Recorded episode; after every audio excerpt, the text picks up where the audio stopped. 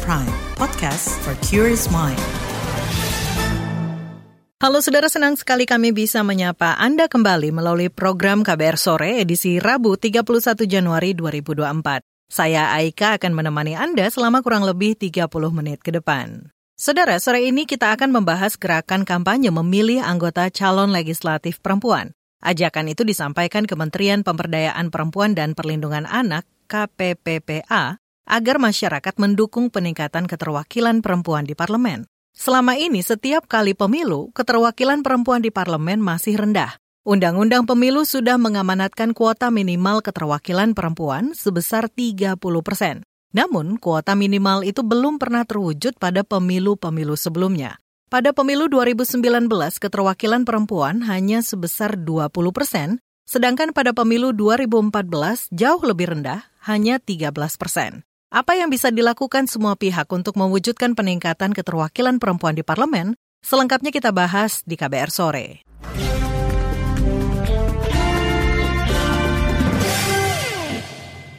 Saudara, Komisi Pemilihan Umum KPU mencatat lebih dari setengah jumlah pemilih pada pemilu 2024 adalah perempuan. Artinya, ada 102 juta suara perempuan akan menjadi kunci penting arah politik demokrasi dan pemerintahan Indonesia hingga lima tahun mendatang. Anggota KPU RI Idam Kholik mengatakan, berdasarkan amanat Undang-Undang Pemilu, perwakilan perempuan di parlemen diharapkan mampu membuat kebijakan yang adil bagi perempuan dan kelompok rentan lainnya. KPU telah melakukan diseminasi informasi atau sosialisasi pendidikan pemilih tentang urgensi atau pentingnya keterwakilan uh, perempuan di lembaga legislatif ya karena ini bagian penting dalam gerakan pengarus utamaan gender di Indonesia. Tidak semua kebijakan publik berkaitan dengan perempuan itu dapat dipahami oleh uh, lelaki. Hanya perempuanlah yang dapat memahami hal tersebut, ya. Dan sebenarnya ketika kita bicara tentang gerakan uh, gender mainstreaming, pesan ini tidak hanya ditujukan untuk para pemilih perempuan, tetapi juga para pemilih laki-laki yang di mana pada dasarnya bicara tentang gender mainstreaming ini adalah kepentingan kita semua dalam rangka mewujudkan keadilan elektoral dan keadilan dalam pembangunan serta keadilan dalam partisipasi politik. Anggota KPU RI Idam Kholik menambahkan KPU tidak dapat memengaruhi maupun memaksa para pemilih dalam menentukan pilihan. Meski begitu, KPU berjanji akan terus mengedukasi pemilih terkait kesetaraan gender di parlemen. Ya, yang jelas KPU mendukung ya, mendukung gerakan pengaruh utamaan gender ya. Karena uh, gerakan tersebut penting dalam rangka membentuk kesadaran elektoral. Ya, di tengah kebebasan dalam memilih, uh, lembaga penyelenggara pemilu itu hanya bisa menyampaikan pesan-pesan edukatif, tidak bisa memaksa, ya, tidak bisa memaksa dan semua pihak juga tidak bisa memaksa, hanya sekedar bisa mempersuasi dengan cara menanamkan kesadaran kesetaraan gender. Anggota KPU ya mengapresiasi ya terhadap public campaign ataupun gerakan masyarakat sipil untuk meningkatkan keterwakilan perempuan di lembaga legislatif karena memang keterwakilan perempuan di lembaga legislatif ini amanah ya, amanah dari undang-undang pemilu. Anggota KPU RI Idam Kholik menyebut partai politik memiliki peran sangat penting dalam mewujudkan terpenuhinya 30 persen perwakilan perempuan di parlemen. Ketika kami berdialog dengan partai politik, pada dasarnya partai politik itu memiliki komitmen dalam gender mainstreaming ya. Itu informasi yang kami terima dari partai politik. Ya, kalau sekiranya uh, hari ini perlu perbaikan, maka saya meyakini bahwa partai politik juga memiliki komitmen yang sama. Nah, ini semua nanti ujungnya kembali kepada para pemilih itu sendiri. Kami menilai situasi hal tersebut ya yang tadi telah dijelaskan itu harusnya menjadi bahan evaluasi bagi partai politik dalam berkomunikasi politik pada masa kampanye. Apa yang menyebabkan uh, pemilih perempuan bersikap dan bertindak demikian itu harus jadi bahan evaluasi. Ya, kalau kita bicara dalam logika linier.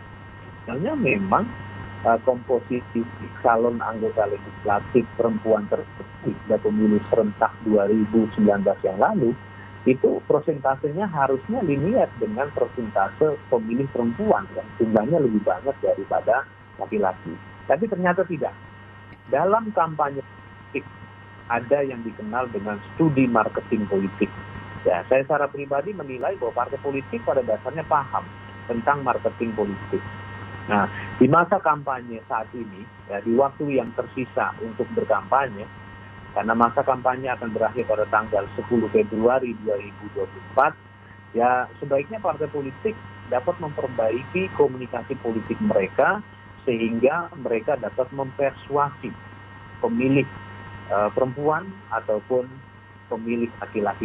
Itu tadi anggota KPU RI Idam Kolik. Saudara Kementerian Pemberdayaan Perempuan dan Perlindungan Anak KPPPA mengajak semua pihak mendukung peningkatan keterwakilan perempuan di parlemen dengan memilih caleg perempuan. Asisten Deputi Pengaruh Utamaan Gender Bidang Politik dan Hukum KPPPA Iib Ilham Firman mengatakan, pemerintah akan memanfaatkan sisa waktu yang ada untuk kampanye digital mendukung keterwakilan perempuan di parlemen. Kampanye ini bersifat imbauan dengan harapan pesan dapat tersampaikan dengan baik di penghujung waktu kampanye. Iib Ilham Firman mengatakan ada berbagai tantangan dan hambatan yang harus dilalui oleh perempuan yang memutuskan untuk terjun ke dunia politik. Untuk itu, ruang partisipasi dan representasi politik perempuan perlu difasilitasi dengan baik. Apalagi keterwakilan perempuan dalam parlemen secara mutu maupun jumlah akan menentukan produk kebijakan yang dihasilkan. Ia berharap keterwakilan perempuan dapat mengakomodasi kebutuhan perempuan. Sedara kelompok perempuan bukan satu-satunya yang minim perwakilan di parlemen. Ada juga kelompok disabilitas. Seperti apa tantangan yang dihadapi caleg disabilitas? Kami akan hadirkan laporan khas KBR usai jeda berikut. Tetaplah di KBR sore.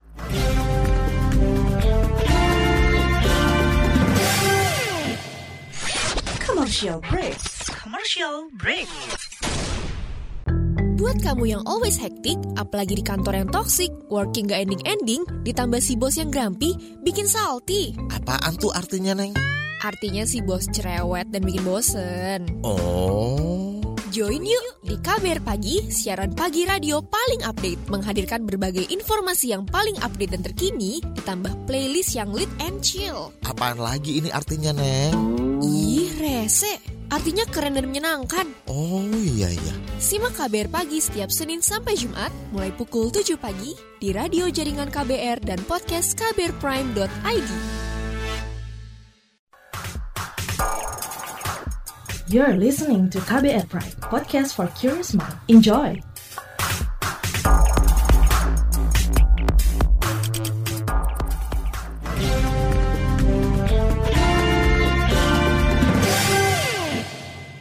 Pemilihan umum 2024 dinilai belum inklusif, terutama bagi kelompok disabilitas. Padahal, Undang-Undang Pemilu mendorong pesta demokrasi lima tahunan bisa mewadahi semua kalangan. Kepada KBR, dua caleg difabel bercerita tentang perjalanannya menjadi kontestan pemilu. Berikut laporan khas KBR disusun jurnalis Heru Haitami banner aku cuma kecil karena aku kan banyak yang bilang aku caleg duafa aku bilang. Iya ibu calegnya disabilitas calegnya ODGJ ibu-ibu itu karena mereka sering melihat aku mendampingi teman-teman ODGJ ibu calegnya ODGJ ibu calegnya penyandang cacat katanya gitu. Iya nggak apa-apa aku bilang gitu aku terima aku dibilang seperti itu. Tapi lihat visi misi aku nih. Saya ingin peraturan perundang-undangan atau kebijakan yang dibuat oleh pemerintah itu jangan bilangnya inklusif tapi yang memutuskan orang-orang yang bukan disabilitas. Mereka nggak paham. Itu tadi Muharyati calon anggota legislatif caleg pada pemilu 2024 Muharyati mengungkapkan keinginannya maju sebagai wakil rakyat lantaran masih ada diskriminasi terhadap kelompok disabilitas semisal di bidang pendidikan. Apalagi di pendidikan, jangankan di pendidikan formal, di pendidikan informal pun mereka belum bisa mengakses sekolah luar biasa yang hanya ada pada setiap wilayah seperti Jakarta Timur satu, Jakarta Barat satu.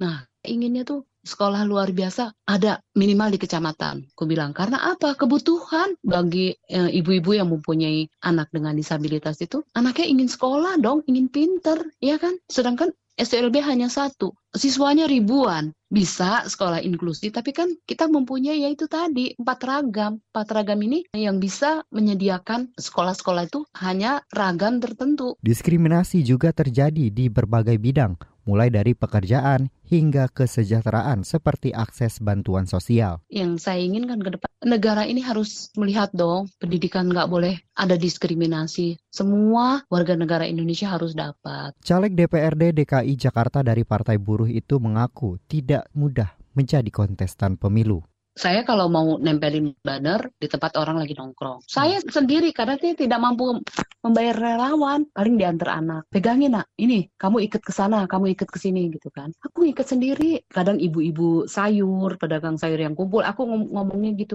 Aku kasih stiker, aku kasih kalender, aku nempelin banner. Kalau aku kan kampanye sendiri gitu kan, ya masa aku bayarin diri aku sendiri kan enggak. Muharyati sempat dihadapi sejumlah kendala di masa kampanye. Nah, kalau teman-teman kayak kemarin konvoy, acara ketemu di jadi ini apa? Ada pertemuan, pertemuan gitu, pertemuan akbar. Kan harus bawa bawa ini dong komunitasnya. Nah, di situ kendalanya kebetulan anakku juga support. Yang pertama, anakku udah bekerja yang nomor satu. Ya cuma itu tadi kendalanya. Jadi akhirnya ya itu terbatas kendalanya di di pembiayaan. Sementara itu, bagi caleg disabilitas dari Partai Hanura, Osmiati, pemilu kali ini adalah kali kedua dirinya nyaleg. Dia mengakui ada perubahan yang baik dalam proses pendaftaran menjadi calon anggota legislatif. 2024 ini alhamdulillah tidak ada kendala buat saya mencalonkan diri dan lingkungan saya juga mendukung dan teman-teman support juga, teman-teman anggota saya juga support karena kita bergerak untuk teman-teman disabilitas dan untuk orang-orang yang membutuh pertolongan. Kata dia pada 2019, dirinya sempat mendapat diskriminasi saat mendaftar kontestasi pemilu. Alhamdulillah ya, tidak seperti tahun 2019. 2019 saya juga mencalonkan diri, tapi itu waktu saya mendaftarkan di kesehatan masih ada diskriminasinya, dinyatakan bahwa saya itu sakit, padahal kan saya memang pakai kursi roda, masih ada perkataan jasmani dan rohaninya. Osmiati mengungkap keinginannya menjadi wakil rakyat lantaran tidak ada kuota khusus bagi kelompok disabilitas maju dalam kontestasi pemilu. Teman-teman disabilitas ini masih banyak yang belum terwakilkan di parlemen. Dan belum ada juga kuota yang saya mengharapkan setiap parpol itu harus minimal satu atau dua persen disabilitas. Sehingga peluang disabilitas untuk di parlemen itu ada. Karena kita juga sebagai warga negara yang berhak punya suara punya hak duduk sebagai warga yang baik di parlemen. Osmiati menilai partai politik di Indonesia juga belum banyak memberikan kesempatan bagi kelompok disabilitas. Parpol itu partai politik belum dikatakan bersahabat ya karena hanya berapa partai politik aja yang merekrut disabilitas masih belum ada, belum memenuhi kota. Saya berharap maka saya tadi berharap di tahun 2009 nanti akan bertambahlah dan ada undang-undang atau KPU membuat kuota disabilitas itu satu persen atau dua persen untuk parpol dan berhak juga duduk kuota kita ada di parlemen. Undang-Undang Nomor 7 Tahun 2017 tentang Pemilu secara jelas mengatur hak memilih dan dipilih bagi difabel. Komisi Pemilihan Umum KPU mengeklaim penyelenggara pemilu memiliki fokus utama untuk meningkatkan partisipasi difabel pada pemilu serentak 2024. Demikian laporan Nas KBR, saya Heru Hayatami. Itu tadi laporan KBR mengenai cerita perjalanan caleg difabel di pemilu. Kita kembali ke topik utama soal upaya mendongkrak keterwakilan perempuan di parlemen. Saudara, partai politik mengemban peranan penting dalam merealisasikan keterwakilan perempuan di parlemen yang afirmatif dan berkeadilan gender. Apa upaya partai politik dalam meningkatkan keterwakilan perempuan di parlemen? Informasinya kami hadirkan sesaat lagi, tetaplah di KBR Sore.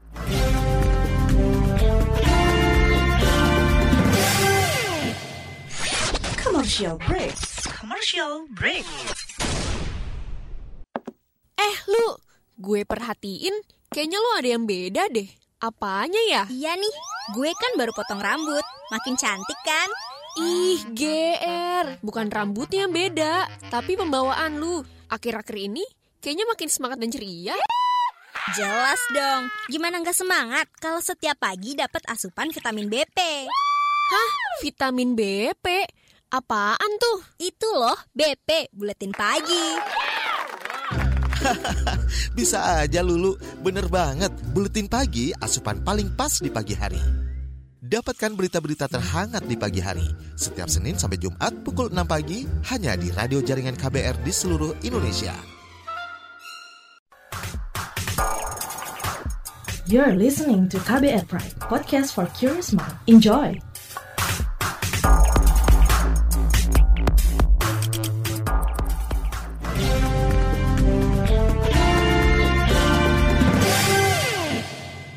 Kita lanjutkan lagi KBR sore. Saudara, sejumlah partai politik berkomitmen untuk mendukung peningkatan keterwakilan perempuan di parlemen pada pemilu 2024.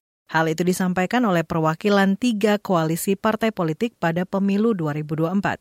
Juru bicara tim pemenangan nasional Timnas Anies Baswedan Mohaimin Iskandar, Mardani Alisera menyampaikan komitmen serius timnya untuk mewujudkan kebijakan dan peraturan yang pro terhadap rakyat khususnya pada kebijakan pemberdayaan dan kesejahteraan perempuan yang dinilai masih belum memenuhi hak-hak perempuan.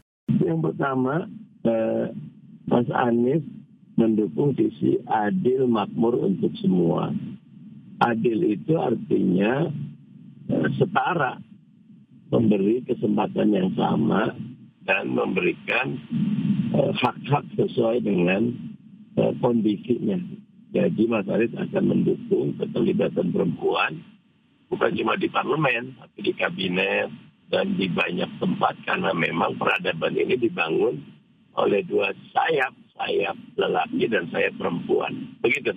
Kalau yang paling utama cuti hamil tiga bulan ditanggung uh, oleh uh, negara, ya. termasuk uh, bapaknya itu karena ibu bapak harus sama-sama merawat itu kan.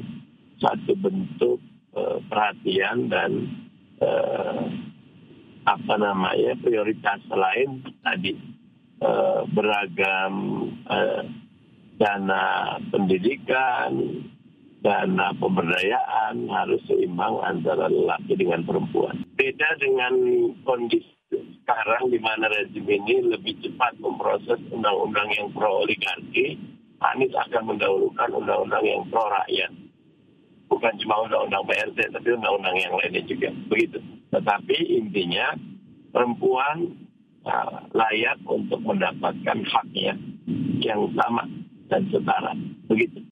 Itu tadi tim pemenangan nasional Timnas Anies Baswedan Mohaimin Iskandar sekaligus anggota Komisi Pemilu dari fraksi PKS di DPR RI, Mardani Alisera. Sementara itu, tim kampanye nasional TKN Paslon nomor urut 2 Prabowo Subianto Gibran Raka Buming juga mengklaim bakal melibatkan suara perempuan dalam pengambilan kebijakan negara. Juru bicara TKN Prabowo Gibran sekaligus Wakil Ketua Umum PAN Viva Yoga Mauladi mengatakan, timnya juga menyiapkan sederet program kerja dan kebijakan yang memperhatikan kesejahteraan perempuan dan berbasis kesetaraan gender perempuan juga harus dilibatkan dalam proses-proses pengambilan kebijakan negara. Dan komitmen dari TKN Prabowo Gibran akan terus untuk merealisasikan uh, secara kuantitatif dan kualitatif uh, di lapangan komitmen itu agar bisa tercapai. Karena saat ini pun di DPR misalnya itu hanya sekitar 20 persen saja keterwakilan perempuan di DPR. Salah satunya kan menghilangkan program stunting dan pemberian makanan gratis dan susu gratis kepada anak-anak dan ibu hamil. Gunanya adalah untuk uh, mencetak uh, manusia Indonesia yang pintar, yang sehat, yang kuat. Kalau kemudian sehat dan kuat kan pasti dia akan memiliki uh, IQ yang tinggi.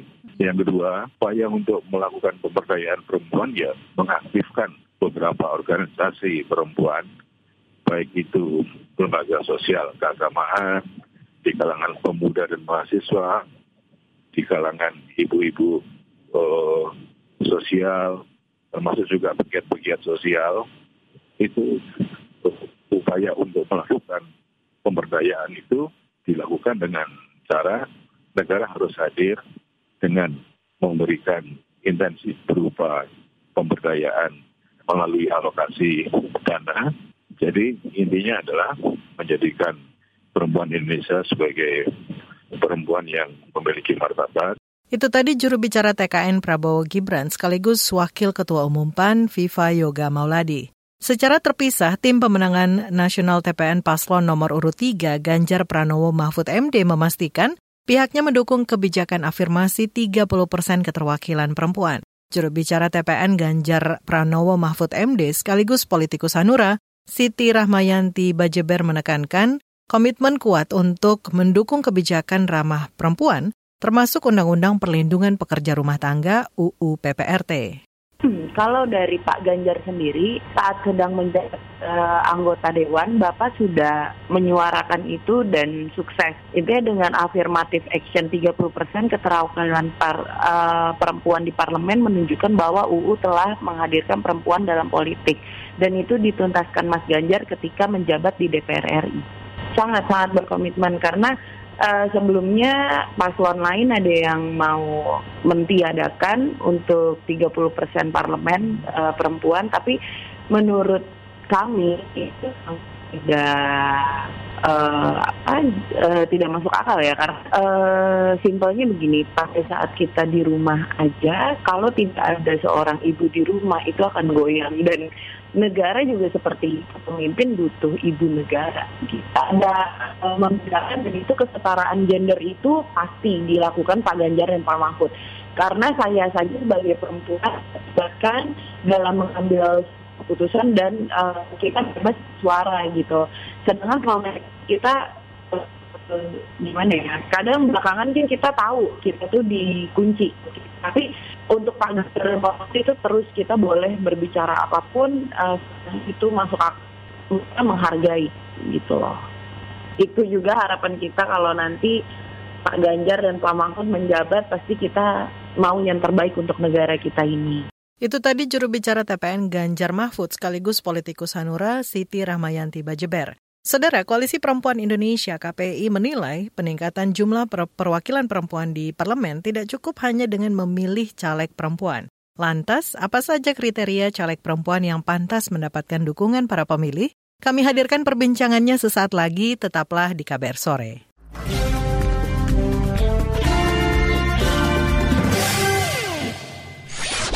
Commercial break. Commercial break. Nonton TV ah, kali-kali aja ada berita bagus. Iya apaan sih? Acaranya gosip, sinetron, itu terus. Matiin aja ah, bosen.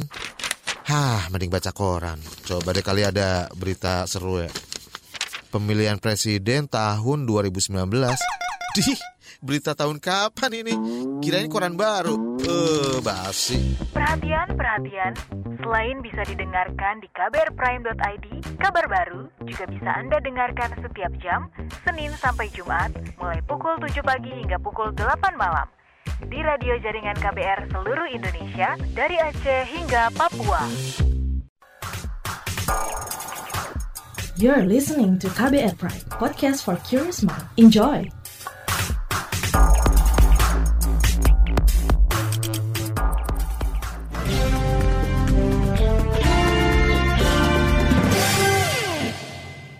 Anda masih mendengarkan KBR sore. Saudara, Lembaga Koalisi Perempuan Indonesia menilai keterwakilan perempuan di parlemen pada pemilu-pemilu sebelumnya masih jauh dari persentase 30 persen baik di tingkat pusat maupun daerah. Sekretaris Jenderal Koalisi Perempuan Indonesia mengatakan rendahnya tingkat keterwakilan perempuan di parlemen salah satunya disebabkan minimnya kemauan partai politik. Selengkapnya kita simak wawancara jurnalis KBR Rangga Sugeri dengan Sekjen Koalisi Perempuan Indonesia Mika Ferawati. Saat ini kan keterwakilan perempuan di parlemen masih minim atau rendah. Lalu penilaian Anda soal keterwakilan perempuan di parlemen dari segi kuantitas dan kualitas itu seperti apa ya Bu?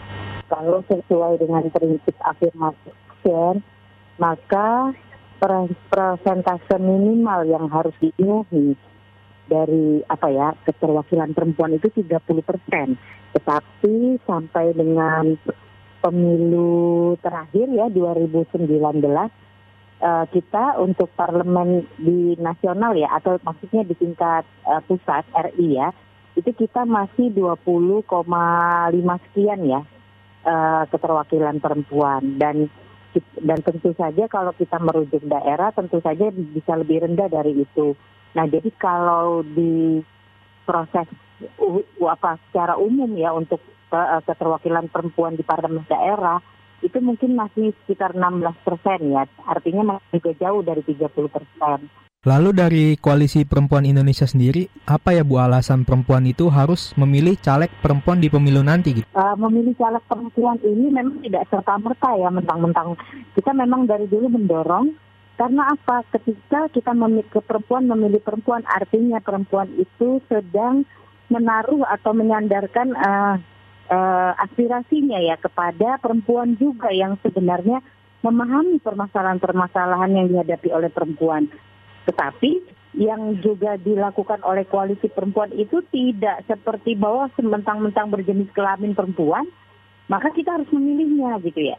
Tidak, koalisi perempuan juga tetap ber, e, berpedoman pada memilih e, caleg perempuan juga harus me menggunakan cara-cara yang yang cermat ya, yang juga e, apa ya e, maksudnya tidak asal pilih. Misalnya mentang-mentang perempuan kita tidak tahu bagaimana track recordnya, pengalaman kerjanya, bagaimana mereka selama ini, uh, apakah mereka juga berangkat dari dari semangat untuk memperbaiki atau merubah tatanan berbangsa dan bernegara yang lebih adil gender atau hanya sekedar menjadi anggota legislatif aja gitu ya. Saudara itu tadi perbincangan jurnalis KBR Rangga Sugeri dengan Sekjen Koalisi Perempuan Indonesia Mika Ferawati. Dan informasi tadi menutup jumpa kita di KBR Sore edisi Rabu 31 Januari 2024. Pantau terus informasi terbaru lewat situs kbr.id, Twitter kami di @beritaKBR, serta podcast di kbrprime.id. Saya Aika bersama tim yang bertugas undur diri. Salam.